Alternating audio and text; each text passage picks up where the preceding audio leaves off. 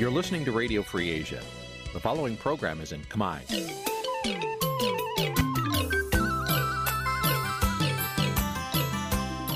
នេះជាកម្មវិធីផ្សាយ Vuthu Azizi Serai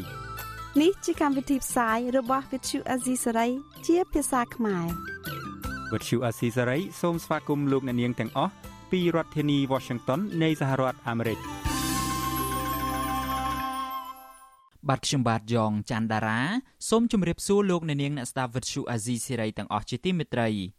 ខ្ញុំបាទសូមជូនកម្មវិធីផ្សាយសម្រាប់ព្រឹកថ្ងៃសៅរ៍ពីកើតខែបោះឆ្នាំខាលចត្វាស័កពុទ្ធសករាជ2566ត្រូវនឹងថ្ងៃទី24ខែធ្នូគ្រិស្តសករាជ2022បាទជាដំបូងនេះសូមអញ្ជើញអស់លោកអ្នកនាងស្ដាប់ព័ត៌មានប្រចាំថ្ងៃដែលមានមេតិការដូចតទៅ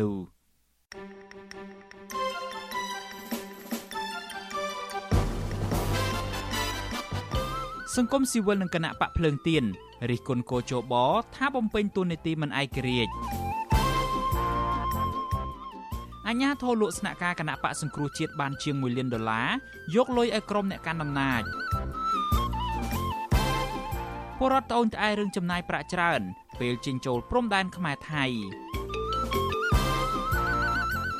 រឿងរ៉ាវចម្រូងចម្រាសលេចធ្លោចំនួន3ធ្វើឲ្យពិភពលោកភ្ញាក់ផ្អើល ក្នុងពេលកម្ពុជាធ្វើជាប្រធានបដូវវេនអាស៊ានឆ្នាំ2022រួមនឹងព័ត៌មានសំខាន់សំខាន់មួយចំនួនទៀត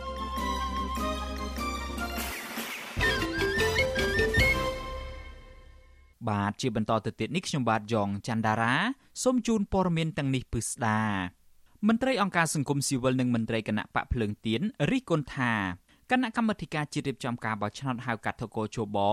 បំពេញតួនាទីមិនឯករាជ្យទៅតាមច្បាប់ ការរិះគន់នេះគឺបន្ទាប់ពីប្រធានកោជបនិងជាអតីតសមាជិកជាន់ខ្ពស់នៃគណៈបកកណ្ដាលអំណាចបានផ្ញើលិខិតអបអរសាទរមួយច្បាប់ជូនទៅលោកហ៊ុនសែនដែលទទួលបានពានរង្វាន់សមិទ្ធផលពេញមួយជីវិតរបស់មេដឹកនាំឆ្នើមពិភពលោកក៏ប៉ុន្តែមន្ត្រីជាន់ខ្ពស់កោជបអះអាងថាលិខិតនោះមិនអាចធ្វើឲ្យប៉ះពាល់ដល់ដំណើរការបោះឆ្នោត និងឯករាជ្យភាពរបស់កោជបនោះទេ បាទលោកលេងម៉ាលីរាយការណ៍អំពីរឿងនេះ មន្ត្រីសង្គមស៊ីវិលគណៈបកនយោបាយរួមទាំងសាធារណជនមួយចំនួនលើកឡើងថាគណៈកម្មាធិការជាតិរៀបចំការបោះឆ្នោតឬក៏ជបជាស្ថាប័នមួយដើរតួនាទីយ៉ាងសំខាន់ក្នុងការរៀបចំការបោះឆ្នោតហើយស្ថាប័នកោជបជាស្ថាប័នមួយឯករាជ្យមិនត្រូវស្ថិតនៅក្រោមសម្ពាធគណៈបកនយោបាយណាមួយនោះទេប៉ុន្តែពួកគេថាការដែលស្ថាប័នកោជបលើកសរសើរពីគុណបំណាច់របស់មេដឹកនាំនយោបាយណាម្នាក់ គឺមិនបង្ហាញពីភាពឯករាជ្យក្នុងការបំពេញកិច្ចការរបស់ខ្លួនទេប្រធានសហភាពសហជីពកម្ពុជា អ្នកខ្លំមើលកម្ពុជា និងជាអតីតសមាជិកគណៈកម្មាធិការជាតិរៀបចំការបោះឆ្នោតគឺលោករងឈុនថ្លែងថាស្ថាប័នកោជបជាស្ថាប័នឯករាជ្យមិនគួរចេញលិខិតលើកសរសើរឬលើកតម្កើងចំពោះអ្នកនយោបាយណាម្នាក់នោះទេពីព្រោះបញ្ហានេះធ្វើឲ្យពលរដ្ឋមានមន្ទិលសង្ស័យនិងដកសេចក្តីទុកចិត្ត លោកជំរុញដល់កោជបថាត្រូវអនុវត្តច្បាប់ឲ្យបានត្រឹមត្រូវនិងចេះទទួលយកមតិយោបល់នានាយកមកពិនិត្យនិងដោះស្រាយដោយជៀសវាងការប្តឹងផ្តល់អ្នករិះគន់រឿងបោះឆ្នោត ដែលផ្ដល់គំរូអាក្រក់ដល់ប្រទេសកម្ពុជាគណៈកម្មការរៀបចំការបោះឆ្នោតដែលយើងចាត់ទុកថាជាអាជ្ញាកដាលហើយដែលជាស្ថាប័នធម្មនុញ្ញហើយឯករាជ្យប៉ុន្តែនៅពេលដែលយើងនិយាយលើក តម្កើងអិសរជនណាមួយ ដែលស្ថិតនៅក្នុងបកមួយអានឹងដែលឆ្លុះបញ្ចាំងឲ្យឃើញថាស្ថាប័នហ្នឹងបីដូចជាមានលំអៀងទៅខាងភាគីហ្នឹងហើយហើយដែលធ្វើឲ្យពលរដ្ឋហ្នឹងនឹងដកសេចក្តីទុកចិត្តបាទបាត់បង់ជំនឿទៅលើអាញាកដាលដែលនឹងបោះឆ្នោតនៅពេលខាងមុខនេះបាទស្រដៀងគ្នានេះដែរអនុប្រធានគណៈបកភ្លឹងទៀនលោកថាច់សិដ្ឋាថ្លែងថា ក្នុងសង្គមប្រជាធិបតេយ្យបានបែងចែកស្ថាប័នឯករាជ្យដាច់ពីអ្នកនយោបាយដើម្បីរក្សាភាពក្រិតភាពរបស់ខ្លួននិងផ្ដល់ទំនុកចិត្តដល់ភាគីពាក់ព័ន្ធទាំងអស់ប៉ុន្តែលោកយល់ថាការដែលគណៈកម្មាធិការជាតិរៀបចំការបោះឆ្នោតបានលើកសរសើរនិងដឹងគុណការដឹកនាំលោកហ៊ុនសែនជាប្រធានគណៈបកប្រជាជនកម្ពុជានោះគឺមិនត្រឹមត្រូវនោះទេលោកបន្តថាសារបែបនេះនឹងធ្វើឲ្យប្រជាពលរដ្ឋនិងសហគមន៍អន្តរជាតិមើលឃើញកាន់តែច្បាស់ថា ស្ថាប័នកោជបមិនរក្សាជំហរឯករាជ្យដោយអែបអបអ្នកនយោបាយកាន់អំណាច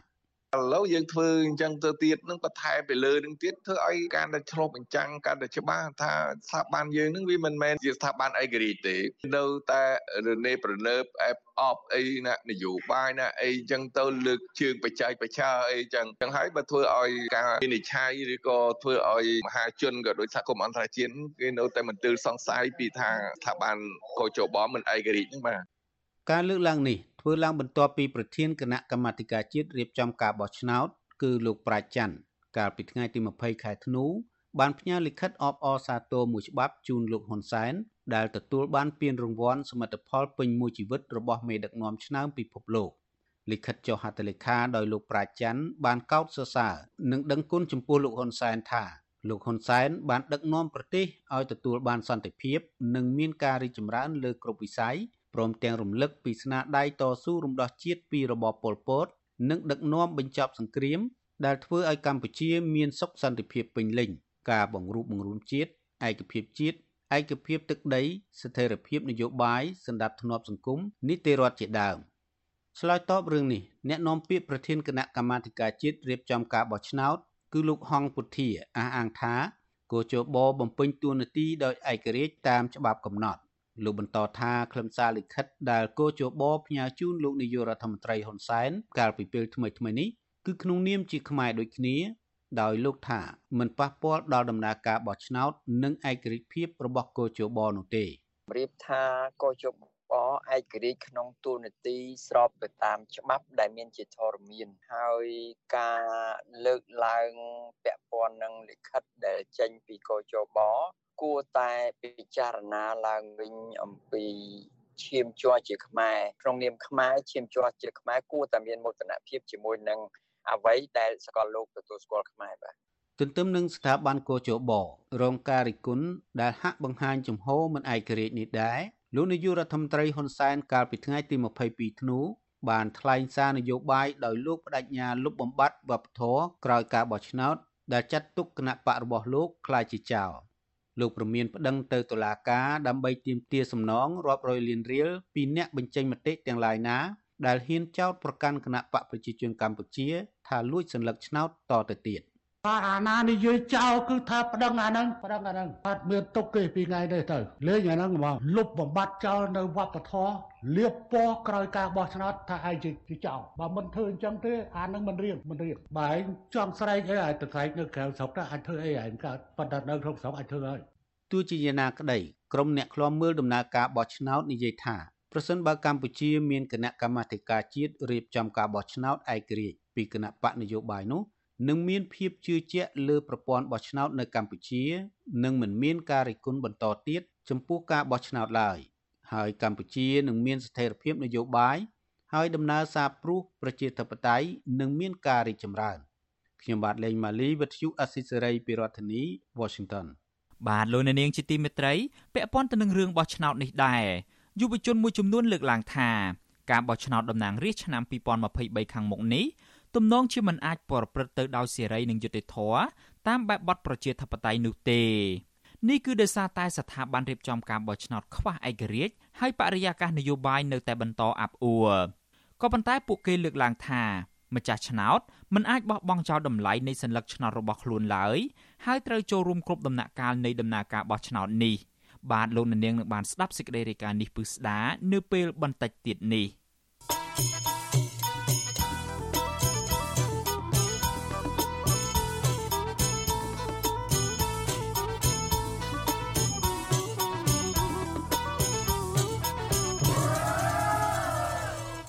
បាទលោកនាងជាទីមេត្រីពាក់ព័ន្ធទៅនឹងរឿងនយោបាយឯនេះវិញលោកនាយរដ្ឋមន្ត្រីហ៊ុនសែនបានទម្លាយកាលពីថ្ងៃទី22ខែធ្នូថាគេហដ្ឋានរបស់លោកសំរងស៊ី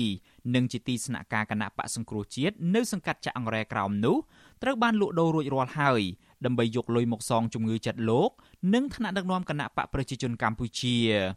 ប្រព័ន្ធឃោសនារបស់លោកហ៊ុនសែនបានចុះផ្សាយថា អចលនទ្រព្យរបស់លោកសំរងស៊ីនេះលក់បានជាង1លាន6សែនដុល្លារក្នុងនោះលោកហ៊ុនសែនទទួលបានជាង7សែនដុល្លារប្រធានរដ្ឋសភាលោកហេងសំរិនទទួលបានជិត50000ដុល្លាររដ្ឋមន្ត្រីក្រសួងមហាផ្ទៃលោកសខេងទទួលបានជិត4សែនដុល្លាររដ្ឋាភិបាលទទួលបានជាង4សែនដុល្លារនិងជាង5000ដុល្លារទៀតចូលទៅក្នុងរដ្ឋាភិបាលជាតិលោកហ៊ុនសែនអះអាងថាសំណងនេះនៅមិនទាន់គ្រប់គ្រាន់នៅឡើយទេ ពីព្រោះលោកសំរងស៊ីត្រូវបង់សំណងសរុបជាង2លានដុល្លារតាមសាលក្រមរបស់តុលាការនៅក្នុងសំណុំរឿងដែលត្រូវបានប្តឹងដោយរូបលោក លោកសខេង និងលោកហេងសំរិនកាលពីពេលកន្លងទៅចៅក្រមតុលាការក្រុងភ្នំពេញលោកអឹមវណ្ណៈបានចេញដីកាលក់អចលនទ្រព្យរបស់លោកសំរងស៊ីនេះកាលពីខែវិច្ឆិកាឆ្នាំ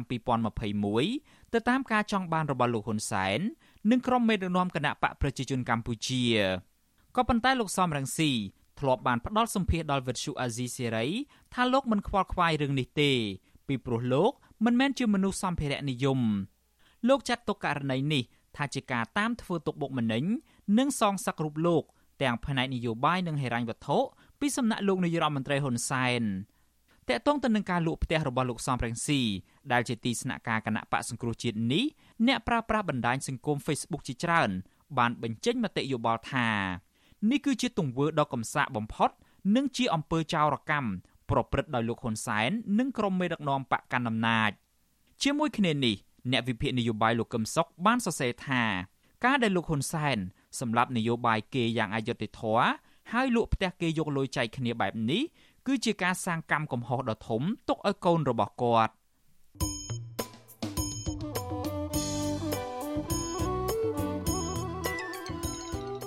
លោកអ្នកនាងជាទីមេត្រីដំណើរគ្នានឹងស្ដាប់ការផ្សាយរបស់ Vuthu Azizi Siri នៅតាមបណ្ដាញសង្គម Facebook និង YouTube លោកអ្នកនាងក៏អាចស្ដាប់ការផ្សាយរបស់យើង តាម Vuthu រលកធាតុអាកាសខ្លីបានដែរពេលព្រឹកចាប់ពីម៉ោង5កន្លះដល់ម៉ោង6កន្លះតាមរយៈប៉ុស SW 9.39 MHz ស្មើនឹងកម្ពស់ 32m និងប៉ុស SW 11.85 MHz ស្មើនឹងកម្ពស់ 25m ពេលយប់ចាប់ពីម៉ោង7កន្លះដល់ម៉ោង8កន្លះតាមរយៈប៉ុស SW 9.39 MHz ស្មើនឹងកម្ពស់ 32m ប៉ុស SW 11.88 MHz ស្មើនឹងកម្ពស់ 25m និងប៉ុស SW 15.15 MHz ស្មើនឹងកម្ពស់ 20m បាទសូមអរគុណ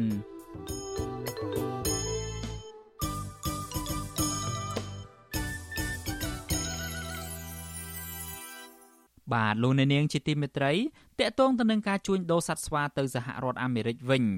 ចៅក្រមសហព័ន្ធនៃរដ្ឋ Florida សហរដ្ឋអាមេរិកអ្នកស្រី Kathleen William កាលពីថ្ងៃទី22ធ្នូ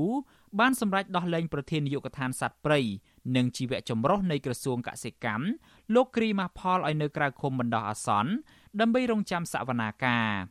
លោកគ្រីម៉ាផលនឹងត្រូវបានតុលាការដោះលែងនៅចុងសប្តាហ៍នេះដើម្បីចូលរួមពិធីបុណ្យគ្រីស្មាស់នៅឯស្ថានទូតខ្មែរនៅរដ្ឋធានី Washington លោកគ្រីម៉ាផលត្រូវបានអាជ្ញាធរសហរដ្ឋអាមេរិកចាប់ខ្លួននៅអាកាសយានដ្ឋានអន្តរជាតិ John F Kennedy នៅទីក្រុង New York កាលពីថ្ងៃទី16ខែវិច្ឆិកាខណៈពេលលោកកំពុងធ្វើដំណើរទៅចូលរួមសន្និសីទនៅប្រទេសប៉ាណាម៉ាស្ដីពីការជួញដូរខុសច្បាប់ទៅលើប្រភេទសត្វជិតផុតពូជលោកត្រូវបានរដ្ឋអាជ្ញាសហព័ន្ធអាមេរិក ចោទប្រកាន់ពីបទជួយសម្រួលទៅដល់ការរត់ពន្ធសត្វស្វាក្តាមឬស្វាកន្ទុយវែងដែលជិតផុតពូជក្រោយបញ្ចប់កម្មវិធីបុណ្យគ្រីស្មាស់ឬបុណ្យណូអែលនៅរដ្ឋធានី Washington ហើយលោកគ្រីម៉ាផលនឹងត្រូវបានគេបញ្ជូនទៅឃុំខ្លួននៅក្នុងផ្ទះមួយកន្លែងនៅរដ្ឋ Virginia ជាមួយនឹងគ្រួសារមួយដែលមិនទាន់ត្រូវបានគេបង្ហាញអត្តសញ្ញាណនៅឡើយស្ថានទូតខ្មែរនឹងទទួលខុសត្រូវចំពោះការចំណាយនានារបស់លោកគ្រីម៉ាផលនៅក្នុងពេលជាប់ឃុំនៅផ្ទះនេះ បាទលោកអ្នកនាងជាទីមេត្រីពាក់ព័ន្ធទៅនឹងបញ្ហាអាស៊ានឯនេះវិញរដ្ឋាភិបាលថៃ បានបើកកិច្ចប្រជុំក្រៅផ្លូវការមួយ កាលពីថ្ងៃទី22ខែធ្នូដើម្បីស្វែងរកដំណោះស្រាយនយោបាយនៅប្រទេសភូមា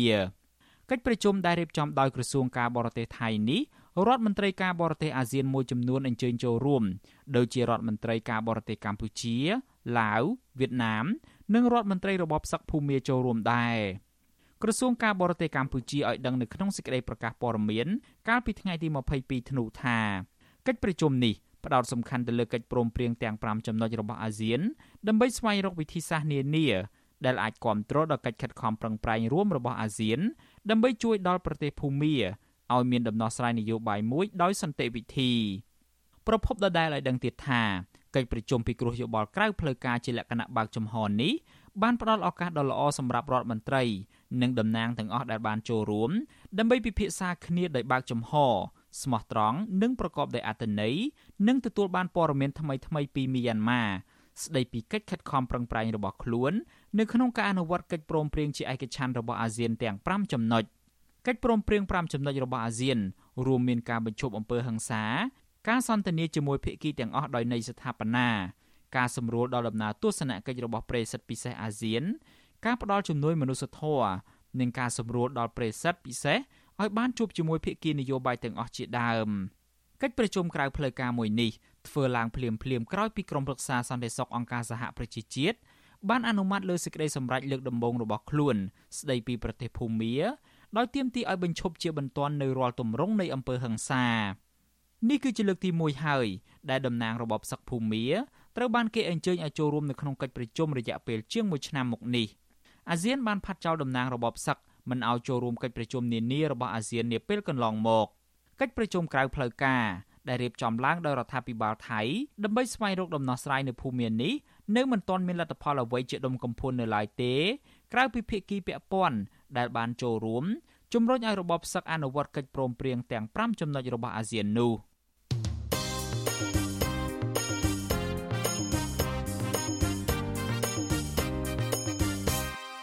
បាទលោកអ្នកនាងជាទីមេត្រីយើងងាកមកចាប់អារម្មណ៍ទៅនឹងបញ្ហាសិទ្ធិមនុស្សឯនេះវិញមន្ត្រីគណៈកម្មាធិការសិទ្ធិមនុស្សរបស់រដ្ឋាភិបាលកំពុងធ្វើការអង្កេតករណីរំលោភសិទ្ធិមនុស្សនៅមណ្ឌលសង្គមកិច្ចព្រៃស្ពឺក្រោយពីអង្គការសិទ្ធិមនុស្សលីកាដូរកឃើញថាមានការរំលោភសិទ្ធិមនុស្សធ្ងន់ធ្ងរនៅទីនោះ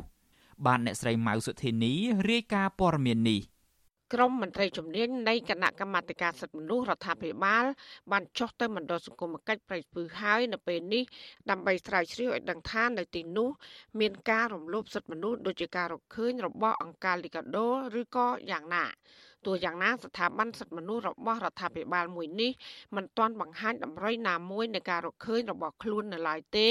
ខណៈកំពុងស្ថិតក្នុងដំណាក់កាលអង្កេតនៅឡើយអ្នកនាំពាក្យគណៈកម្មាធិការសិទ្ធិមនុស្សរបស់រដ្ឋាភិបាលលោកកតាអូន ប្រាប់វិទ្យុស៊ីស្រីនៅថ្ងៃទី23ខែធ្នូថាមន្ត្រីជំនាញនៃស្ថាប័នរបស់លោក កំពុងធ្វើការអង្កេតលើចំណុចសំខាន់សំខាន់មួយចំនួនរួមមានដំណើរការសកម្មភាពនៃមណ្ឌលសង្គមគិច្ចប្រៃស្ពឺ និងរបាយការណ៍នានាស្តីពីការរំលោភសិទ្ធិមនុស្សនៅក្នុងមណ្ឌលប្រៃស្ពឺលោកបន្តថានៅពេលអង្កេតសពគ្រប់ស្ថាប័នរបស់លោកនឹងធ្វើសេចក្តីសន្និដ្ឋាន ដែលឈានដល់ការបំភ្លឺជូនសាធារណជនឲ្យបានដឹងពីករណីនេះ យើងធ្វើការអង្កេតចប់និងពិនិត្យមើលទៅវិញរបាយការណ៍របស់គណៈកម្មការសួរកម្ពុជានិងរបាយការណ៍របស់សួងសុំកិច្ចគណៈកម្មការសួរកម្ពុជានឹងធ្វើសេចក្តីសន្និដ្ឋានរួមមួយអំពីករណីនេះដូច្នេះនៅពេលខាងមុខនេះយើងនឹងបានព័ត៌មានរបាយការណ៍ពិតប្រាកដមួយអំពីករណីនៅទីស្ពឺនេះវត្ថុអសីស្រីមិនអាចសុំការបំភ្លឺពីអ្នកនាំពាក្យក្រសួងសង្គមគិច្ច លោកតូចចន្ទនីបានទេនៅថ្ងៃទី23ខែធ្នូ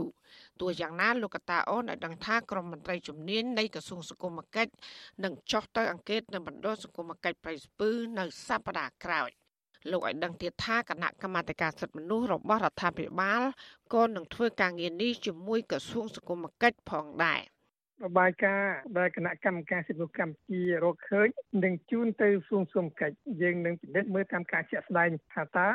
ដំណោះស្រាយដូចដេចការកែលម្អដូចដេចឬមួយក៏គ្មានអ្វីកើតឡើងទេយើងបន្តធ្វើការងារដូចដេចនេះជាអ្វីដែលយើងនឹងធ្វើនៅពេលដែលយើងមានរបាយការណ៍មួយនៅក្នុងដៃច្បាស់លាស់ក្រោយពីការអង្កេតរបស់គណៈកម្មការសិទ្ធិមនុស្សកម្ពុជានិងក្រសួងសង្គមគិច្ចទៅលើបញ្ហានេះ ដូចទៅនឹងការអះអាងរបស់អ្នកនាំពាក្យគណៈកម្មាធិការសិទ្ធិមនុស្សរបស់រដ្ឋាភិបាលនេះដែរអ្នកនាំពាក្យក្រសួងសង្គមគិច្ចលោកតូចចាន់នីស្រាប់សារព័ត៌មានក្នុងស្រុកឲ្យដឹងកាលពីថ្ងៃទី21ខែធ្នូថាប៉ះសិនបើមានការរកឃើញករណីរំលោភសិទ្ធិមនុស្សនៅមណ្ឌលព្រៃស្ពឺដូចជាការរកឃើញរបស់អង្គការលីកាដូនោះក្រសួងនឹងចាត់វិធានការដោះស្រាយដើម្បីកែលម្អមណ្ឌលសង្គមគិច្ចព្រៃស្ពឺឡើងវិញ។ ទោះជាយ៉ាងណានាយកទទួលបន្ទុកទូតនៃអង្គការលីកាដូលោកអំសំអាតមិនសង្ឃឹម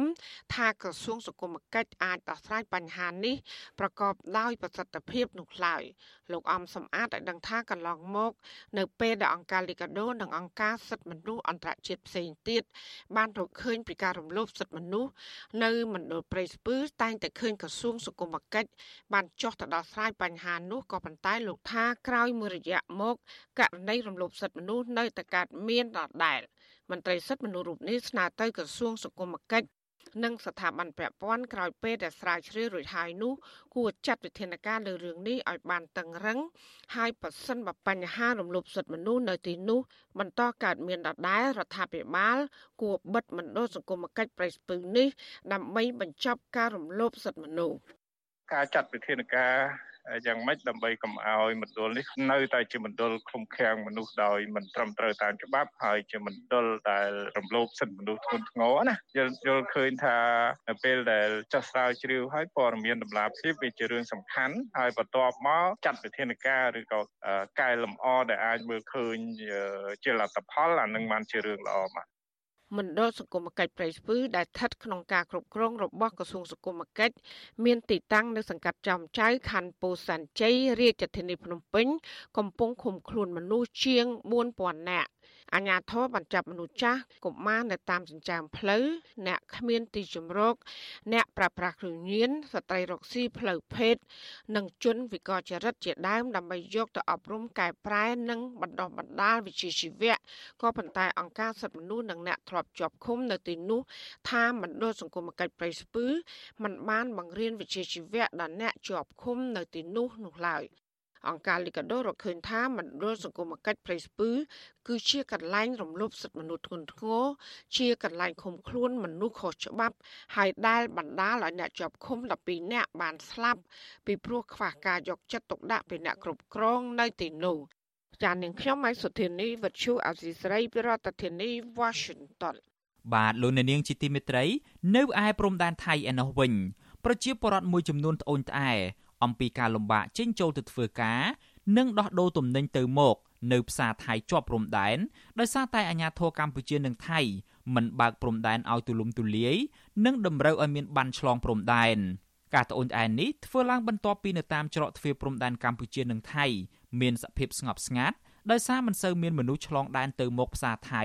ពីព្រោះតែចំណាយប្រាក់អស់ច្រើនដែលធ្វើឲ្យប៉ះពាល់ដល់ការរកប្រាក់ចំណូលរបស់ប្រជាពលរដ្ឋ បាទសូមលោកអ្នកនាងស្ដាប់ព័ត៌មាននេះរបស់លោកសេកបណ្ឌិតដូចតទៅពលរដ្ឋរស់នៅជាប់ច្រកទ្វារព្រំដែនថៃនៃខេត្តបៃលិន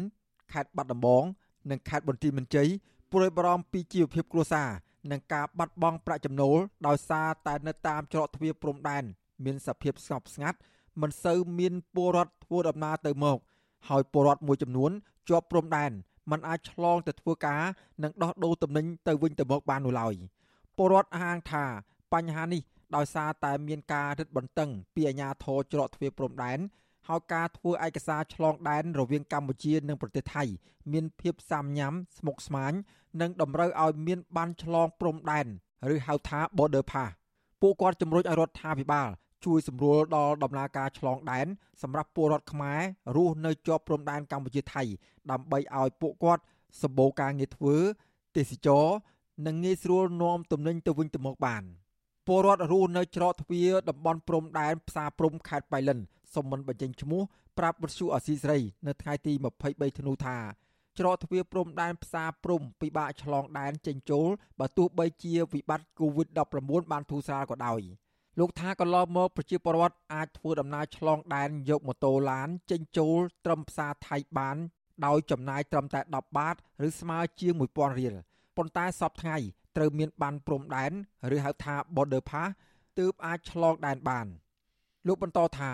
ច្រកទ្វារព្រំដែន មានសភាពស្ងប់ស្ងាត់ក្រោយពីអាជ្ញាធររឹតបន្តឹង ហើយអាជីវករជាច្រើនបានត្អូញត្អែថាมันអាចឆ្លងដែនទៅទិញទំនិញផ្សេងផ្សេងពីទឹកដីថៃយកមកលក់ដោយការពីមុននោះបានឡើយ ចង់បានឲ្យតែបើកផ្លូវទៅវាស្រួលដូចមុនទៅសេដ្ឋកិច្ចយើងក៏វាបានដើរដែរអញ្ចឹងណារាល់ថ្ងៃវាកំពុងពោពេញទៅដោយពិបាកហ្មងពួកអីយើងរស់នៅព្រំដែនយើងត្រូវការចរន្តចេញចូលមកត្រូវការពីគេត្រូវការពីខ្លួនឯងហើយចុះបើខាងគេបិទគប់អញ្ចឹងទៅហើយសេដ្ឋកិច្ចវាទៅតាមនឹងឯងដូចជារត់ម៉ូតូដូបឬក៏យើងរកស៊ីលក់ដូរអីតំណែងទិញចេញចូលក៏ពិបាកដល់ពេលអញ្ចឹងទៅម្នាក់ម្នាក់លូគ្រប់តែគ្នាហ្នឹងប៉ុន្តែវាមិនដឹងថានិយាយថាម៉េចពេលទៅយូរឡើងទៅជាធ្វើបានបរិផាតចេញចូលពិបាកវាអត់ស្រួលដូចវាចង់ពិបាកជាងការបិទគប់កូវីដទៀតស្រដៀងគ្នានេះដែរប្រជាពលរដ្ឋរស់នៅជាប់ច្រកទ្វារព្រំដែនអន្តរជាតិដូងឬហៅថាច្រកឡែមខេត្តបាត់ដំបងសូមមិនបញ្ចេញឈ្មោះថ្លែងថាក្រោយពីវិបត្តិជំងឺ Covid-19 ច្រកទ្វារព្រំដែនតម្រូវឲ្យមានបានព្រំដែនទើបអាចឆ្លងដែនបានហើយការធ្វើបានព្រំដែននេះគឺត្រូវចំណាយប្រាក់ប្រមាណ1500បាតក្នុងម្នាក់ហើយត្រូវបោះត្រាឆ្លងព្រំដែនម្ដងអស់100បាត ឬស្មើនឹងជិត180,000រៀលដែលមានសុពលភាពមួយសប្តាហ៍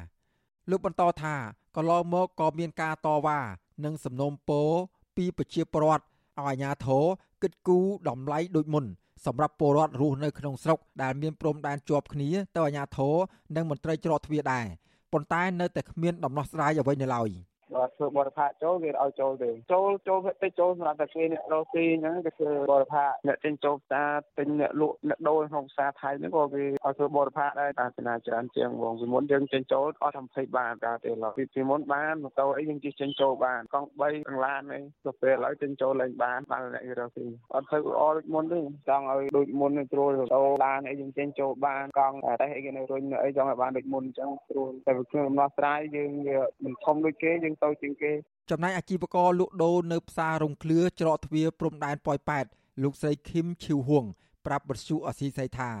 តាំងពីបើកច្រកទ្វារព្រំដែនឡើងវិញមក លោកស្រីនិងអាជីវករនៅផ្សាររងឃ្លឿបានជួបការលំបាកច្រើន ក្នុងការប្រកបមុខរបរនិងបញ្ហាជីវភាពគ្រួសារប្រចាំថ្ងៃព្រោះលក់ដូរមិនសូវដាច់និងចំណាយឆ្លងដែនចេញចូលច្រើន។ ពលរដ្ឋទាំងអស់ដែលនៅនេះគឺតែអ្នកចង់ឲ្យគេធ្វើការនឹងបងចាំតែគេធ្វើការនឹងឬតែថាគេនឹងធ្វើឲ្យតែឲ្យក៏អត់ធ្វើអញ្ចឹងអត់ធ្វើរហូតគេយើងចំណាយច្រើនហើយចំណូលយើងវាតិចជាងមុនចំណាយច្រើនជាងមុនអញ្ចឹងវាបាតែយើងមិនដឹងធ្វើហូបស៊ីអីតែទ្រាំទៅវាមិនដឹងទៅរកអីវាស្ងាត់ជាងអាមុនកូវីដងាយបងដោយសារខ្មែរយើងចូលមកបានខ្មែរចូលបានតែគាត់ថាអ្នកខ្លះធ្វើបទផាតពិបាកទៅធ្វើអីពិបាកអីចឹងគេចូលធ្វើអញ្ចឹងណាទុកចិត្តអត់ចូលអញ្ចឹង ពលរដ្ឋរស់នៅតាមព្រំដែនលើកឡើងថាកម្ពុជាមានច្រកព្រំដែនជាប់នឹងប្រទេសថៃជាច្រើនក៏ប៉ុន្តែការទៀមទាប្រាក់ឆ្លងដែនខុសតម្លៃគ្នា ដោយអាស្រ័យលើតែការកំណត់ក្រៅផ្លូវការរបស់មន្ត្រីច្រកទ្វារព្រំដែនដែលធ្វើឲ្យមានអំពើពុករលួយច្រើននិងប៉ះពាល់ដល់ការប្រកបមុខរបរការប្រាស្រ័យតាក់ទងគ្នារវាងប្រជាពលរដ្ឋជាប់ព្រំដែននៃប្រទេសទាំងពីរព្រោះត្រូវចំណាយច្រើនពេលឆ្លងដែនម្ដងម្ដង នឹងធ្វើឲ្យស្ថានភាពនៅតាមព្រំដែនកាន់តែមានសភាពស្ងប់ស្ងាត់ពីមួយថ្ងៃទៅមួយថ្ងៃអ្នកនាំពាក្យសាលាខេត្តបន្ទាយមានជ័យលោកសេកសុខុមថ្លែងថាអាញាធរបានទទួលដំណឹងពាក់ព័ន្ធនឹងការត្អូញត្អែរបស់ប្រជាពលរដ្ឋនេះរួចហើយក៏ប៉ុន្តែដោយសារតែភៀកគីថៃនិងកម្ពុជា បានព្រមព្រៀងគ្នាជំរុញឲ្យប្រើបានព្រំដែនទាំងអស់គ្នាលោកបន្តថាបានព្រំដែនមានអត្ថប្រយោជន៍សម្រាប់ប្រជាពលរដ្ឋចូលទៅធ្វើការនៅខេត្តជាប់ព្រំដែន ប្រសិនបើពលរដ្ឋទៅស្នាក់នៅក្នុងប្រទេសថៃប៉ុន្តែបើការចេញចូលរាល់ថ្ងៃនឹងមានការចំណាយច្រើនពិតប្រាកដមែន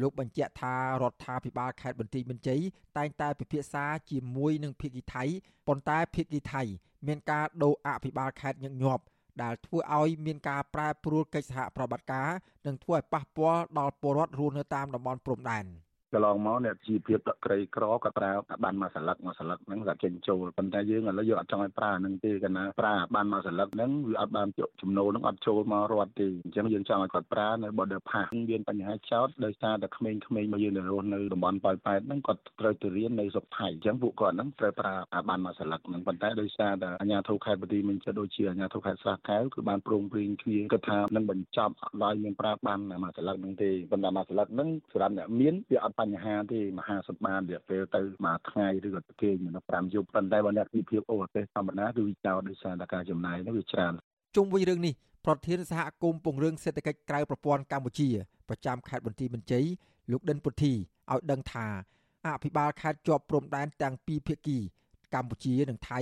គួរមានការពិភាក្សាគ្នារកដំណោះស្រាយនៅពេលមានការត្អូញត្អែពីប្រជាពលរដ្ឋ លោកថាស្ថានភាពជំងឺ Covid-19 មានស្ថានភាពធូរស្រាលហើយក៏ប៉ុន្តែការរឹតបន្តឹងការចេញចូលតាមច្រកទ្វារព្រំដែនភ ieck ច្រើនសុទ្ធតែតាក់ទងនឹងផលប្រយោជន៍របស់ស្ថាប័នពាក់ព័ន្ធជាពិសេសមន្ត្រីនៅតាមច្រកទ្វារ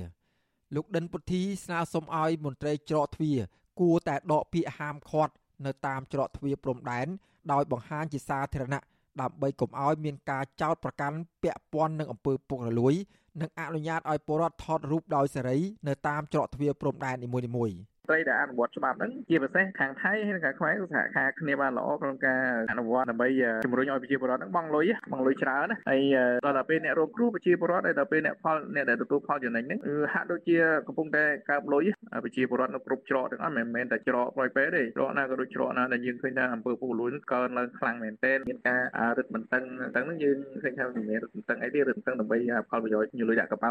រៀងខ្លួនណាដើម្បីផលប្រយោជន៍រៀងខ្លួនហើយដែលលំបាកហ្នឹងគឺប្រជាពលរដ្ឋហ្នឹងបើសិនជាអាចនៅស្ថាប័នគយនឹងមានអង្គភាពចាំងទៅពលរដ្ឋប្រចាំការហ្នឹងល្អប្រជាពលរដ្ឋតែងតែរិះគន់អាជ្ញាធរព្រំដែនពាក់ព័ន្ធថាមានការជំរិតទារប្រាក់ពីប្រជាពលរដ្ឋនៅពេលឆ្លងដែនម្ដងម្ដង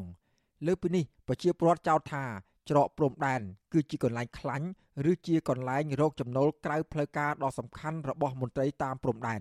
បើទោះបីជាប្រជាពលរដ្ឋចោទប្រកាន់បែបនេះជាយូរយារណាស់មកហើយក្តី ក៏ពលរដ្ឋហាងថាអាញាធរមិនបានកែប្រែឲ្យមានស្ថានភាពល្អប្រសើរជាងមុននោះឡើយ។ពលរដ្ឋនិងសង្គមស៊ីវិលសង្ឃឹមថារដ្ឋាភិបាលនឹងជួយអន្តរាគមន៍កែប្រែការកំណត់តម្លៃដាច់ដោយឡែកសម្រាប់ប្រជាពលរដ្ឋរស់នៅជាប់ព្រំដែនឆ្លងដែនដើម្បីឲ្យពលរដ្ឋកាត់បន្ថយការចំណាយនិងអាចរកប្រាក់ដោះស្រាយជីវភាពគ្រួសារស្របតាមគោលនយោបាយកាត់បន្ថយភាពក្រីក្ររបស់រដ្ឋាភិបាលខ្ញុំបាទសេកបណ្ឌិត វុទ្ធុអាស៊ីសេរីពីរដ្ឋធានីវ៉ាស៊ីនតោន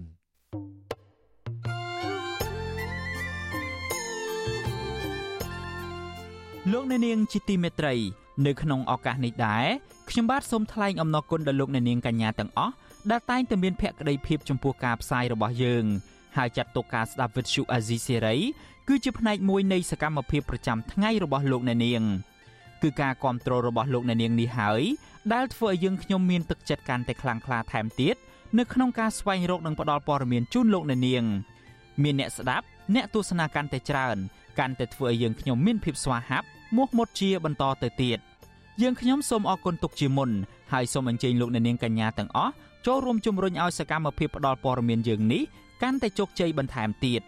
លោកអ្នកនាងអាចជួយយើងខ្ញុំបានដោយគ្រាន់តែចុចចែករំលែកឬមួយក៏ Share ការផ្សាយរបស់យើង នៅលើបណ្ដាញសង្គម Facebook និង YouTube ទៅកាន់មិត្តភ័ក្តិដើម្បីឲ្យការផ្សាយរបស់យើងបានទៅដល់មនុស្សកាន់តែច្រើន បាទសូមអរគុណ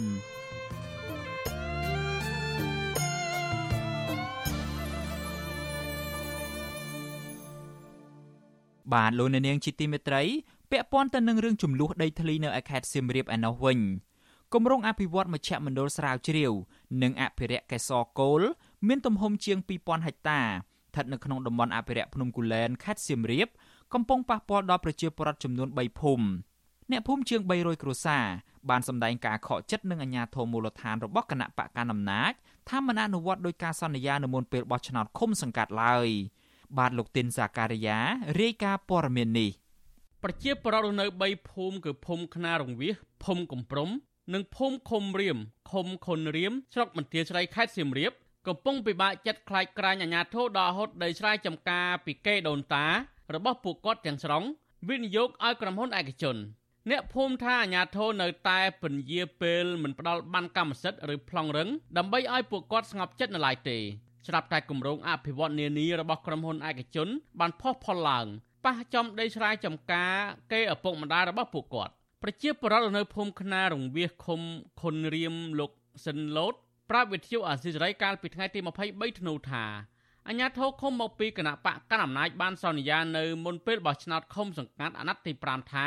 ប្រសិនបើគណៈបកប្រជាជនកម្ពុជាឈ្នះឆ្នោតនឹងកាត់ជ្រៀលដីឲ្យបរដ្ឋមានប្លង់រឹងប៉ុន្តែមកទល់ពេលនេះបែរជាស្ងាត់ឈឹងទៅវិញលោកថាភាពស្ងប់ស្ងាត់នេះធ្វើឲ្យបរដ្ឋជាង300គ្រួសាររស់នៅក្នុងភូមិចំនួន3បន្តភ័យខ្លាចក្រាញអាញាធរដល់ហូតដីស្រែចម្ការរបស់ពួកគាត់ វិនិយោគឲ្យក្រុមហ៊ុនឯកជនដោយមិនបានផ្ដល់សំណងសមរម្យលោកបន្ថែមថាបំណងរួមរបស់អ្នកភូមិស្នើឲ្យអាជ្ញាធរជ្រៀលដីពីតំបន់វិនិយោគនេះផ្ដល់បានកម្មសិទ្ធិឲ្យពួកគាត់ឲ្យបានឆាប់ឆាប់ដើម្បីសវត្ថិភាពដីធ្លីនៅពេលខាងមុខអញ្ញាញាធិឃុំគាត់ជាអ្នកសន្យាថាពេលដែលគណៈបកប្រជាជនជាប់ឆ្នោតគាត់នឹងអាចចេញឆ្លងរឹងឲ្យនៅក្នុងតំបន់បរិស្ថានគ្រប់គ្រងណាបង គេមិនសងជាសំណងហើយក៏គេដូចថាគេរឹបអូសយកទឹកស្រុងណាបងអញ្ចឹងហើយក៏ចេះតែនាំគ្នាទៅតវ៉ាទៅប៉ុន្តែមិនដឹងថាមានដំណោះស្រាយឬមិនមានដំណោះស្រាយយ៉ាងណាក៏មិនដឹងភាសាតែកន្លែងហ្នឹងជាពលរដ្ឋអត់ស្ងប់ចិត្តគាត់ក៏ទៅតវ៉ាលោកសិនលូតបន្ថែមថាបរដ្ឋជាង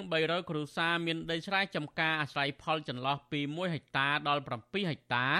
ដែលកាន់កាប់មុននឹងក្រោយឆ្នាំ1979 ស្ថិតនៅក្នុងតំបន់អភិរក្សកេះរកូល និងតំបន់អភិរក្សអូសៀនជាតិជ័យវរ្ម័ននរោត្តមភ្នំកូលែនកាលពីថ្ងៃទី21ធ្នូអ្នកភូមិជាង200នាក់រស់នៅភូមិចំនួន3ក្នុងឃុំខុនរៀមស្រុកបន្ទាយស្រី បានប្រមូលផ្ដុំតវ៉ានៅមុខសាលាឃុំខុនរៀមដើម្បីទាមទារឲ្យអាជ្ញាធរផ្ដាល់បាត់កម្មសិទ្ធិដីធ្លីឬប្លង់រឹងដោយការសន្យានៅមុនពេលបោះឆ្នោតជ្រើសរើសក្រុមប្រឹក្សាឃុំសង្កាត់អាណត្តិទី5ក្នុងពេលតវ៉ា អភិបាលស្រុកបន្ទាយស្រីលើកផុនសុខុមថ្លែងប្រាប់ក្រុមបរដ្ឋថាសំណពររបស់អ្នកភូមិអាជ្ញាធរបានផ្ញើជូនថ្នាក់លើរួចហើយប៉ុន្តែមកទល់ពេលនេះយន្តការដោះស្រាយរឿងដីធ្លីនេះជាភារកិច្ចរបស់ក្រសួងបរិស្ថាននិងរដ្ឋាភិបាលលោកថាអាជ្ញាធរនឹងមិនបណ្តេញចេញបរដ្ឋចេញពីដីស្រែចម្ការទាំងនេះទេទោះបីជាយ៉ាងនេះក្តីបរិម្នាក់ទៀតលោកកែវសាយប្រាប់វិទ្យុអសរីថាសវត្ថភាពដីធ្លីរបស់ពលលោកកំពុងតែស្ថិតនៅក្នុងភាពផុយស្រួយនៅឡើយ ក្រោយពីក្រុមហ៊ុនឈ្មោះសុគី Garden ក្រុងនឹងទៅអភិវឌ្ឍនៅតំបន់នោះរីឯក្រសួងបរិស្ថានមានផែនការអភិវឌ្ឍលើផ្ទៃដីជាង2000ហិកតា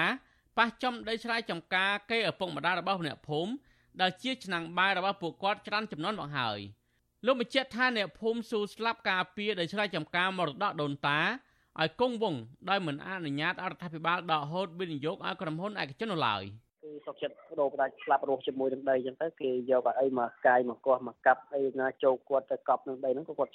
សុកចិត្តស្លាប់នឹងដីកំណើតរបស់គាត់ទៅគាត់មិនទៅណាទេដោយសារតែវាមិនមែនតិចចំនួនទេគាត់ជាម្ចាស់ដីគាត់ធ្វើបារម្ភថារឿងនោះកើតឡើងគឺមានបាតកម្មមានការដែលអាចស្លាប់មនុស្សមានស្លាប់អីចឹងទៅឬដោយសារតែអ្នកដែលមិនមិនព្រមស្ម័គ្រចិត្តដោះដូរឬក៏ចាក់ចេញទៅតាមការដែលស្នើសុំរបស់គម្រោងគេចឹង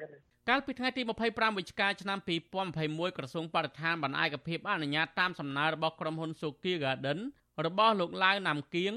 ដែលស្នើសុំទីតាំងដីទំហំ500ហិកតាស្ថិតនៅក្នុងបរិវេណមជ្ឈមណ្ឌលស្រាវជ្រាវនិងអភិរក្សកេះរកូលស្ថិតនៅក្នុងតំបន់អភិរក្សភ្នំកូលែននៃឧទ្យានជាតិព្រះជ័យវរ្ម័ននរោត្តមខេត្តសៀមរាបដើម្បីបង្កើតគម្រោងកសិដ្ឋានសូគីគម្រោងអភិវឌ្ឍនេះបែងចែកជាច្រើនតំបន់រួមមានបណ្ដោះកូនឈើទីតាំងដាំកូនឈើសួនផ្កាស្រះទឹក និងទីតាំងចិញ្ចឹមសត្វព្រៃជាដើម។ ប៉ុន្តែអ្នកភូមិរកឃើញឯកសារបង្ហាញថាគម្រោងអភិវឌ្ឍនេះវិនិយោគលើផ្ទៃដីជាង2000ហិកតាដែលគ្រប់គ្រងដោយក្រសួងបរិស្ថានក្នុងនោះដីប្រមាណជា500ហិកតាវិនិយោគឲ្យក្រុមហ៊ុនឯកជនគម្រោងអភិវឌ្ឍនេះបានលងបន្លាចស្មារតីអ្នកភូមិព្រោះបារម្ភពីសវត្ថភាពដីធ្លីខ្លាចក្រែងអាជ្ញាធររឹបអូសទាំងស្រុងដោយបរដ្ឋនៅតំបន់រុនតាឯកធ្វើឲ្យបរដ្ឋលំបាកវេទនាត្រូវវិច្ចបង្វិចស្វែងរកយុទ្ធធរខាតពេលវេលានិងថវិកា វិទ្យុអសិរ័យមិនអាចតកតងសំការបំភ្លឺពីរឿងនេះពីម្ចាស់ក្រុមហ៊ុន Suki Garden លោកឡាវណាំគៀងបានអាឡ័យទេកាលពីថ្ងៃទី23ធ្នូ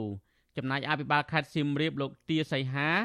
ក៏មិនអាចតកតងដើម្បីសុំការបំភ្លឺពីរឿងនេះបានដែររបាយការណ៍របស់អាជ្ញាធរឃុំខុនរៀមឲ្យដឹងថាដីដែលអ្នកភូមិស្នើសុំកាត់ជ្រៀតស្ថិតនៅក្នុងបរិវេណតំបន់អភិរក្សអូសៀនជាតិភ្នំកូលែនដែលក្រសួងបរិស្ថានកំណត់ជាតំបន់អភិរក្សកេះរកូលសម្រាប់បម្រើវិស័យទេសចរ ដោយមានផ្នែកខ្លះជន់ដីស្រែចម្ការអ្នកភូមិដែលអាស្រ័យផល នៅមុនឆ្នាំ1979និងក្រោយឆ្នាំ1979មេឃុំខុនរៀមលោកកាយកុចប្រាប់វិទ្យុអសិរ័យថាអាញាធរឃុំមិនទាន់បោះស្រាយលម្អិតប្រាប់បរដ្ឋនៅឡើយទេពីផលប៉ះពាល់និងផលប្រយោជន៍ដែលនឹងទទួលបាន ពីគម្រោងអភិវឌ្ឍនេះព្រោះភារកិច្ចដោះស្រាយរឿងនេះគឺក្រសួងបរិស្ថានលោកបញ្ជាក់ថាដោយស្រ័យចំការ បរដ្ឋខ្លះប៉ះចំតំបន់អភិវឌ្ឍគម្រោងកេះរកូល ចាំបាច់ត្រូវសហការជាមួយក្រសួងបរិស្ថានដោះស្រាយបញ្ហានានាលោកបន្តថាគម្រោងអភិវឌ្ឍនេះពុំមែនជារបស់ក្រុមហ៊ុនឯកជនណាមួយឡើយគឺជារបស់ក្រសួងបរិស្ថាន យកទៅអភិវឌ្ឍនិងអភិរក្សហើយមកទល់ពេលនេះមានបរិវត្តជាង50គ្រួសារប៉ុណ្ណោះប៉ះពាល់ដីស្រែចម្ការធ្ងន់ធ្ងរជាងគេ ស្នើសុំទៅថ្នាក់លើរួចហើយដល់ក្រសួងហើយអញ្ចឹងណាក្រសួងក៏បានរៀបចំដាក់ដំណើរទៅរាជរដ្ឋាភិបាលទៀតប៉ុន្តែវាមិនទាន់បានចន្លើយមកវិញថាត្រូវកាត់ចែងប្រព័ន្ធណាឬក៏ទុកប្រព័ន្ធណាសល់ប្រព័ន្ធណាទេយើងបានជុំច្រើនលើកច្រើនសារហើយពីតំបន់ណាដែលយើងត្រូវទុកតំបន់ណាដែលអាចស្នើសុំបានតំបន់ណាដែលមិនអាចស្នើសុំបាននៅក្នុងតំបន់ដែលជាឧស្សាហជាតិនេះ មេឃុំមកពីគណៈបកកអំណាចរំលឹកបន្ថែមថាគម្រោងកាត់ជ្រឿលដោយស្រែចម្ការជូនបរដ្ឋចេញពីតំបន់អភិរក្សអញ្ញាធមមូលដ្ឋានស្នើសុំទៅក្រសួងបរិស្ថានរួចហើយហើយក្រសួងសម័យកំពុងដោះស្រាយរឿងនេះដោយសុំសេចក្តីសម្រេចពីរដ្ឋាភិបាលប៉ុន្តែមិនទាន់ទទួលបានលទ្ធផលនៅឡើយលោកច្រានចោលចំពោះការចោទប្រកាន់លោកថា បំពេញពាក្យសន្យាព្រោះបញ្ហាដីធ្លីនៅតំបន់នេះអាជ្ញាធរឃុំបន្តប្រឹងប្រែងដោះស្រាយជូនបរដ្ឋជាហោហែ និងបានស្នើទៅក្រសួងបរិស្ថាន កាត់ជ្រឿលដីជូនអ្នកភូមិដែលអាស្រ័យផលយូរមកហើយជុំវិញនឹងរឿងនេះមន្ត្រីសម្រាប់សម្រួលគម្រោងធុរកិច្ចនិងសិទ្ធិមនុស្សនៃមជ្ឈមណ្ឌលសិទ្ធិមនុស្សកម្ពុជាលោកវ៉ាន់សុផាតសង្កេតឃើញថាអញ្ញាធិឃុំនឹងស្រុកតែងតែសន្យានៅមុនពេលបោះឆ្នោតឲ្យរួចតែពីមាត់ដើម្បីដោះខ្លួនមួយពេលមួយពេលប៉ុន្តែក្រោយពីបោះឆ្នោតរួចអញ្ញាធិបែរជាប្រងើយកន្តើយមិនដោះស្រាយបញ្ហាជូនពលរដ្ឋលោកផ្ដាល់ទស្សនៈថាវិវាទដីធ្លីនេះមិនពិបាកដោះស្រាយទេ អាស្រ័យលើសុឆន្ទៈរបស់រដ្ឋាភិបាលត្រូវអនុប្រយោគពីដីសាធារណៈរបស់រដ្ឋទៅជាដីឯកជនរបស់រដ្ឋជាមុនសិនថាបើអត់មានឆន្ទៈពិតប្រាកដហើយដោយសារតែរប្រយោជន៍អីផ្សេងផ្សេងពីក្រុមហ៊ុនអីចឹងជាជាងជាពលរដ្ឋអីចឹងអាហ្នឹងវាវានៅតែមានការស្រុកស្មានដល់ស្រាអញ្ចឹងចឹងដែរប៉ុន្តែសរុបសេចក្តីមកគឺនៅលើឆន្ទៈពិតប្រាកដរបស់នៃអាជ្ញាធរពាក់ព័ន្ធហ្នឹងហើយនឹងអ្នកដែលសម្រេចចិត្តចុងក្រោយហ្នឹងឯងបើសិនជាគាត់ មានឆន្ទៈសម្រាប់ដោះស្រាយជាពលរដ្ឋហ្នឹងគឺថាអត់ពិបាកទេបាទហើយប៉ុន្តែខ្លាចតែមានអីស្អីនៅពីក្រោយអីផ្សេងទៀតអាហ្នឹងជាពលរដ្ឋហ្នឹងគាត់នៅតែរងគ្រោះរហូតចឹងអត់មានដំណោះស្រាយទេបាទអូឈានជាតិព្រះបាទជ័យវរ្ម័ននរោត្តមភ្នំកូលែនបានបង្កើតឡើងដោយព្រះរាជក្រឹត្យកាលពីឆ្នាំ1993មានផ្ទៃដីជាង37000ហិកតាគ្របដណ្ដប់លើភ្នំចំនួន3គឺភ្នំកូលែនភ្នំក្បាលស្ពាននិងភ្នំហប់ អូសៀនជាតិនេះមានទឹកជ្រោះច្រឡងភ្នំខ្ពង់រាបប្រាសាទបុរាណអាស្រមអ្នករិសាសិលសត្វព្រៃនិងទីតាំងបុរាណស្ថានជាច្រើនកន្លែងតាក់ទាញចិត្តភ្ញៀវទេសចរទៅកំសាន្តស្ថិតនៅក្នុងស្រុកចំនួន3គឺស្រុកស្វាយលើស្រុកមន្ទាស្រីនិងស្រុកវ៉ារិនពេលនេះផ្នែកខ្លះនៃអូសៀនជាតិនេះមានដីស្រែចម្ការរបស់ពលរដ្ឋរាប់រយគ្រួសារបន្តដាំដុះច្រើនចំនួនមកហើយនិងមានតំបន់ខ្លះទៀតគ្រប់គ្រងដោយបុគ្គលមានលុយនិងមានអំណាច ខ្ញុំធីនសាការីយ៉ាអស៊ីសេរីប្រធានីវ៉ាស៊ីនតោន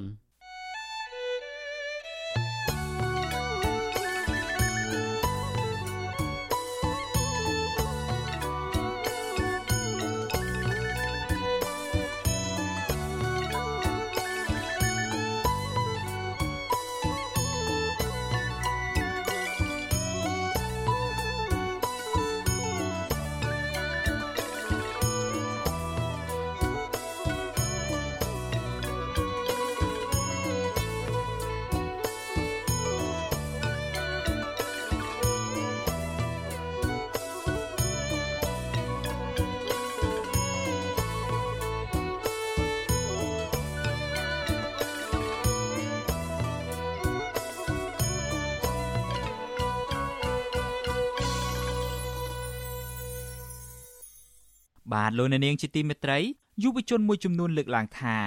ការបោះឆ្នោតតំណាងរាស្ត្រឆ្នាំ2023ខាងមុខទំនងជាមិនអាចប្រព្រឹត្តទៅដោយសេរីនិងយុត្តិធម៌ទៅតាមបែបបទប្រជាធិបតេយ្យនោះទេ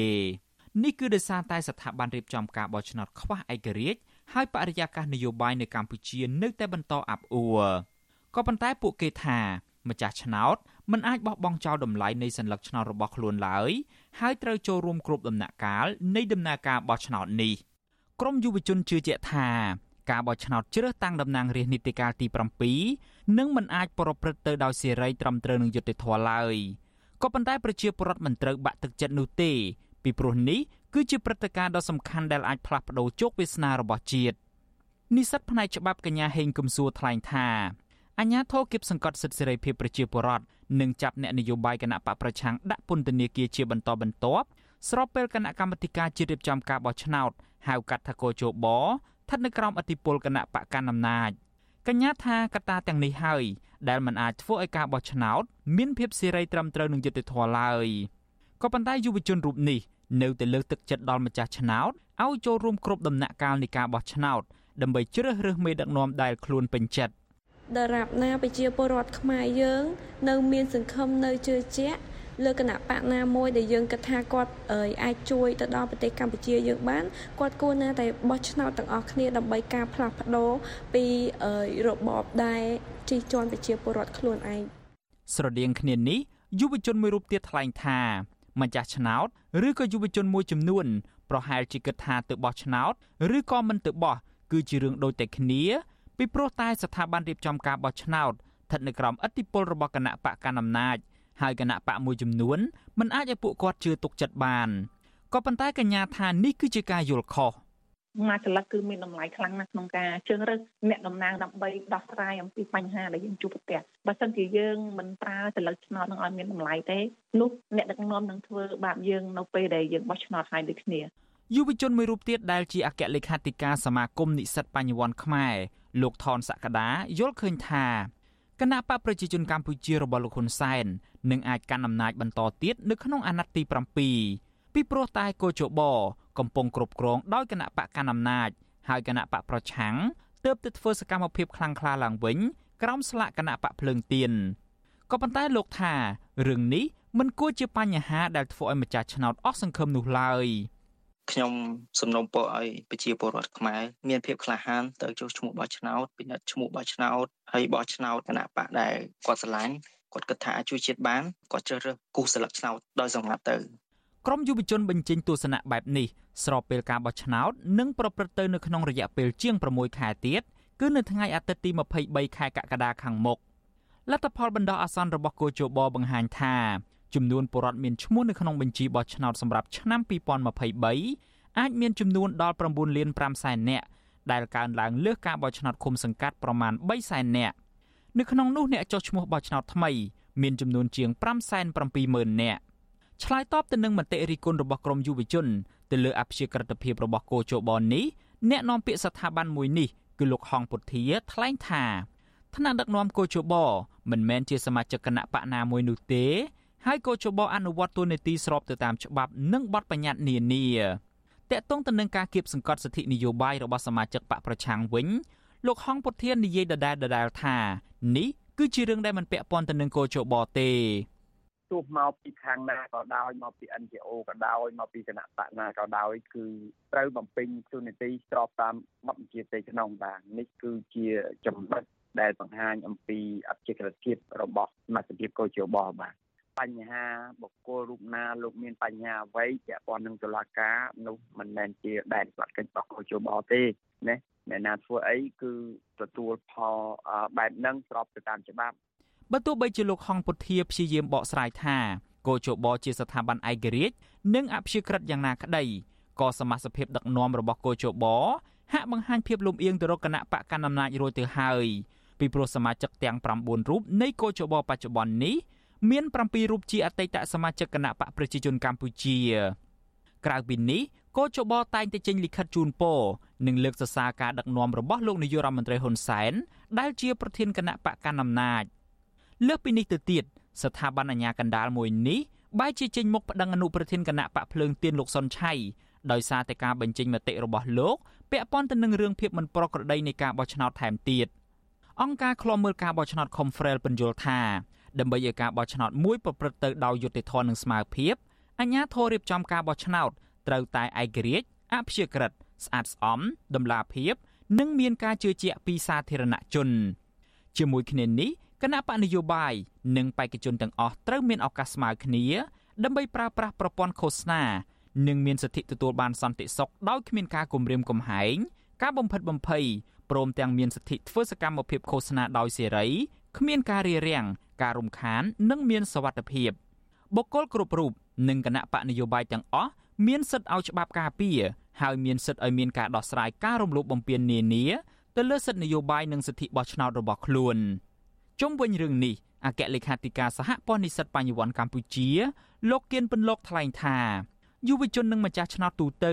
គួរតែចូលរួមនៅក្នុងដំណើរការបោះឆ្នោតនាពេលខាងមុខដោយក៏មានការភ័យខ្លាចការគំរាមកំហែងនិងកុំឲ្យគេទិញទឹកចិត្តបាន លោកបន្ថែមថា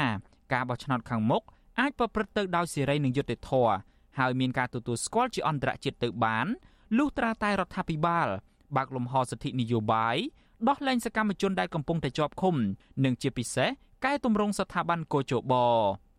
ការចូលរួមរបស់យុវជន ការចូលរួមរបស់ប្រជាពលរដ្ឋខ្មែរគឺពិតជាមានសារៈសំខាន់ណាស់នៅក្នុងសង្គមប្រជាធិបតេយ្យជាពិសេសយុវជននិងប្រជាពលរដ្ឋគឺជាកម្លាំងចលករមួយដែលធ្វើឲ្យប្រទេសជាតិមានការរីកចម្រើនតាមរយៈការជ្រើសរើស តំណាងរបស់ខ្លួនតាមគោលការណ៍នៃលទ្ធិប្រជាធិបតេយ្យដើម្បីទៅដឹកនាំប្រទេសនៅក្នុងឱកាសទិវាសិទ្ធិមនុស្សអន្តរជាតិ10ធ្នូកាលពីពេលថ្មីៗនេះក្រុមអង្គការសង្គមស៊ីវិលចំនួន33ស្ថាប័នបានចេញសេចក្តីថ្លែងការណ៍រួមគ្នាសម្ដែងក្តីព្រួយបារម្ភអំពីស្ថានភាពធ្លាក់ចុះនៃដំណើរការប្រជាធិបតេយ្យនិងការបន្តរដ្ឋបិទសិទ្ធិមនុស្សជាពិសេសគឺសិទ្ធិនយោបាយក្រៅពីទទូចឲ្យរដ្ឋាភិបាលគោរពនិងកែលម្អស្ថានភាពសិទ្ធិមនុស្សហើយនោះ ក្រុមអង្គការសង្គមស៊ីវិលក៏អំពាវនាវឲ្យកែតម្រង់ស្ថាប័នកោជបដើម្បីបង្កើនឯករាជ្យនិងភាពអាចជឿទុកចិត្តបានព្រមទាំងកែប្រែច្បាប់មួយចំនួនដើម្បីធានាបាននូវសិទ្ធិបោះឆ្នោតរបស់ប្រជាពលរដ្ឋផងដែរ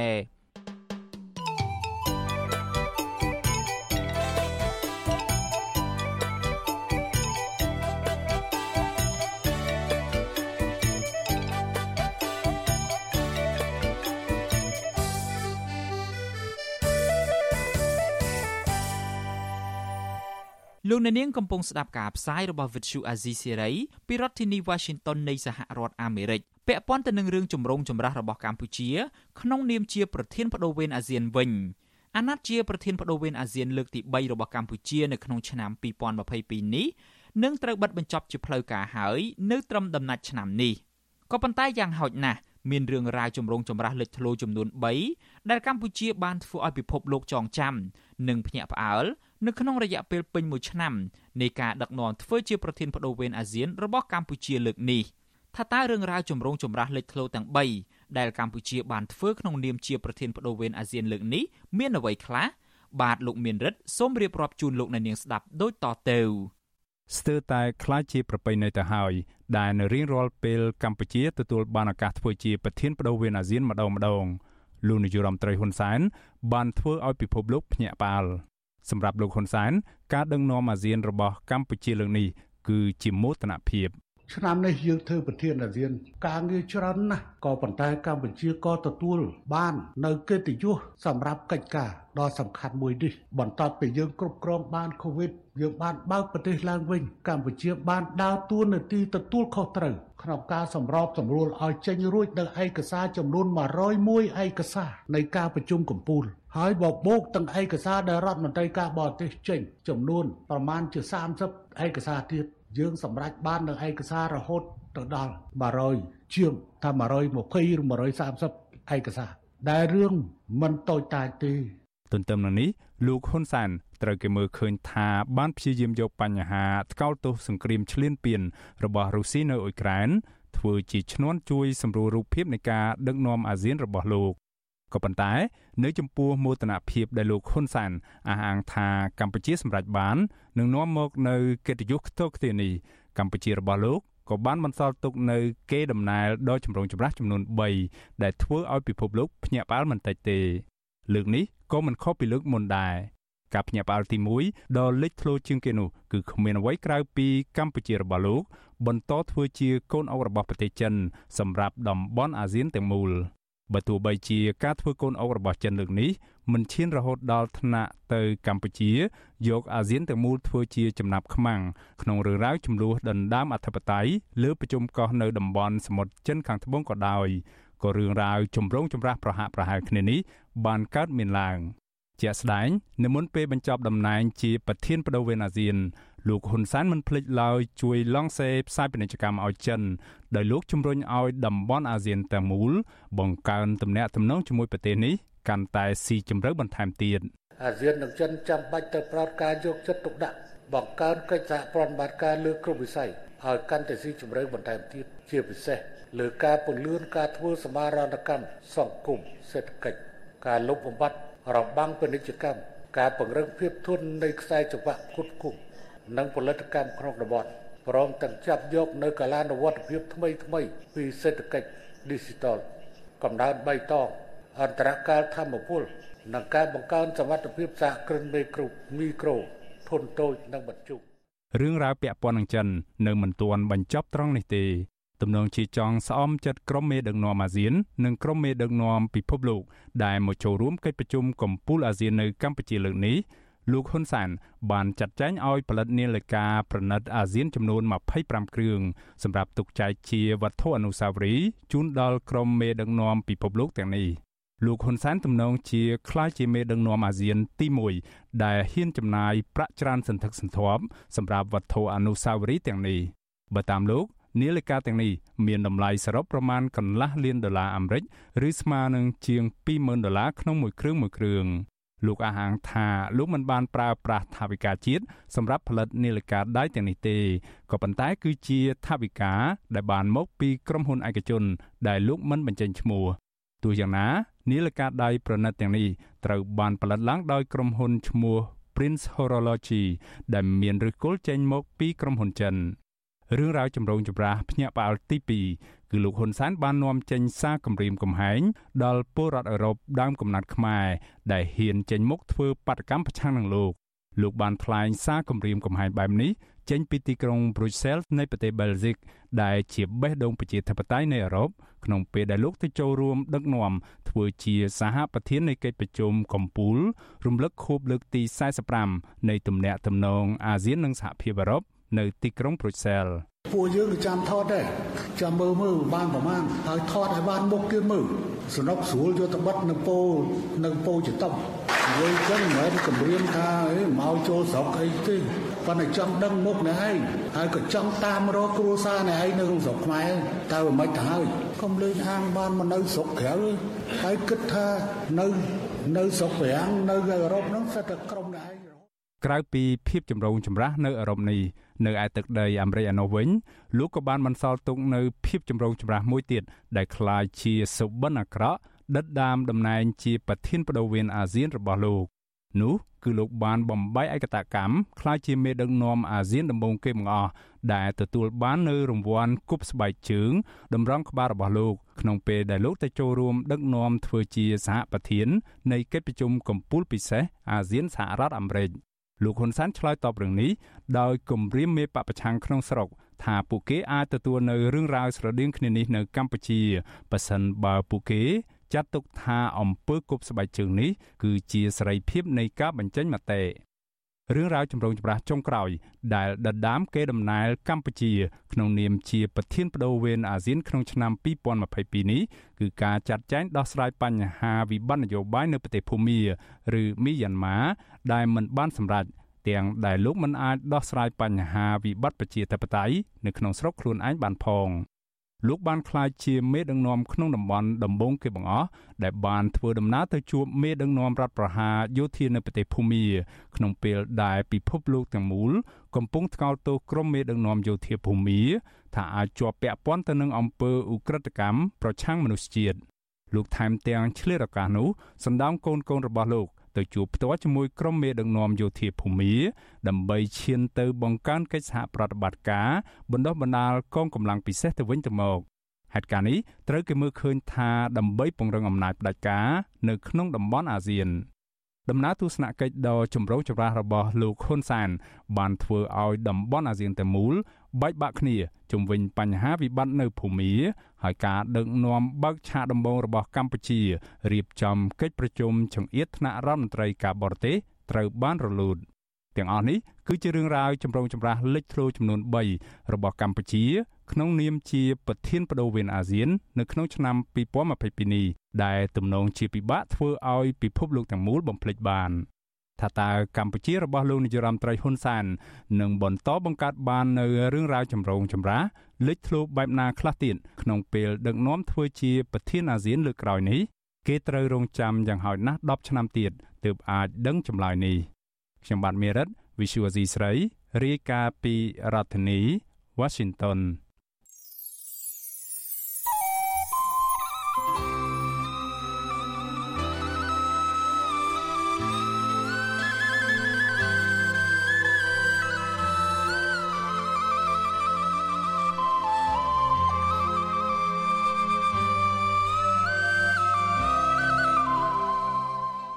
លោកអ្នកនាងជាទីមេត្រី ការផ្សាយរយៈពេល1ម៉ោងរបស់វិទ្យុអាស៊ីសេរីនៅព្រឹកនេះចប់ត្រឹមតែប៉ុណ្ណេះយើងខ្ញុំសូមជូនពរដល់លោកអ្នកនាងព្រមទាំងក្រុមគ្រួសារទាំងអស់ឲ្យជួបប្រកបតែនឹងសេចក្តីសុខចម្រើនរុងរឿងកុំបីឃ្លៀងឃ្លាតឡើយខ្ញុំបាទយ៉ងច័ន្ទដារាព្រមទាំងក្រុមការងារទាំងអស់នៃវិទ្យុអាស៊ីសេរីសូមអរគុណនិងសូមជម្រាបលា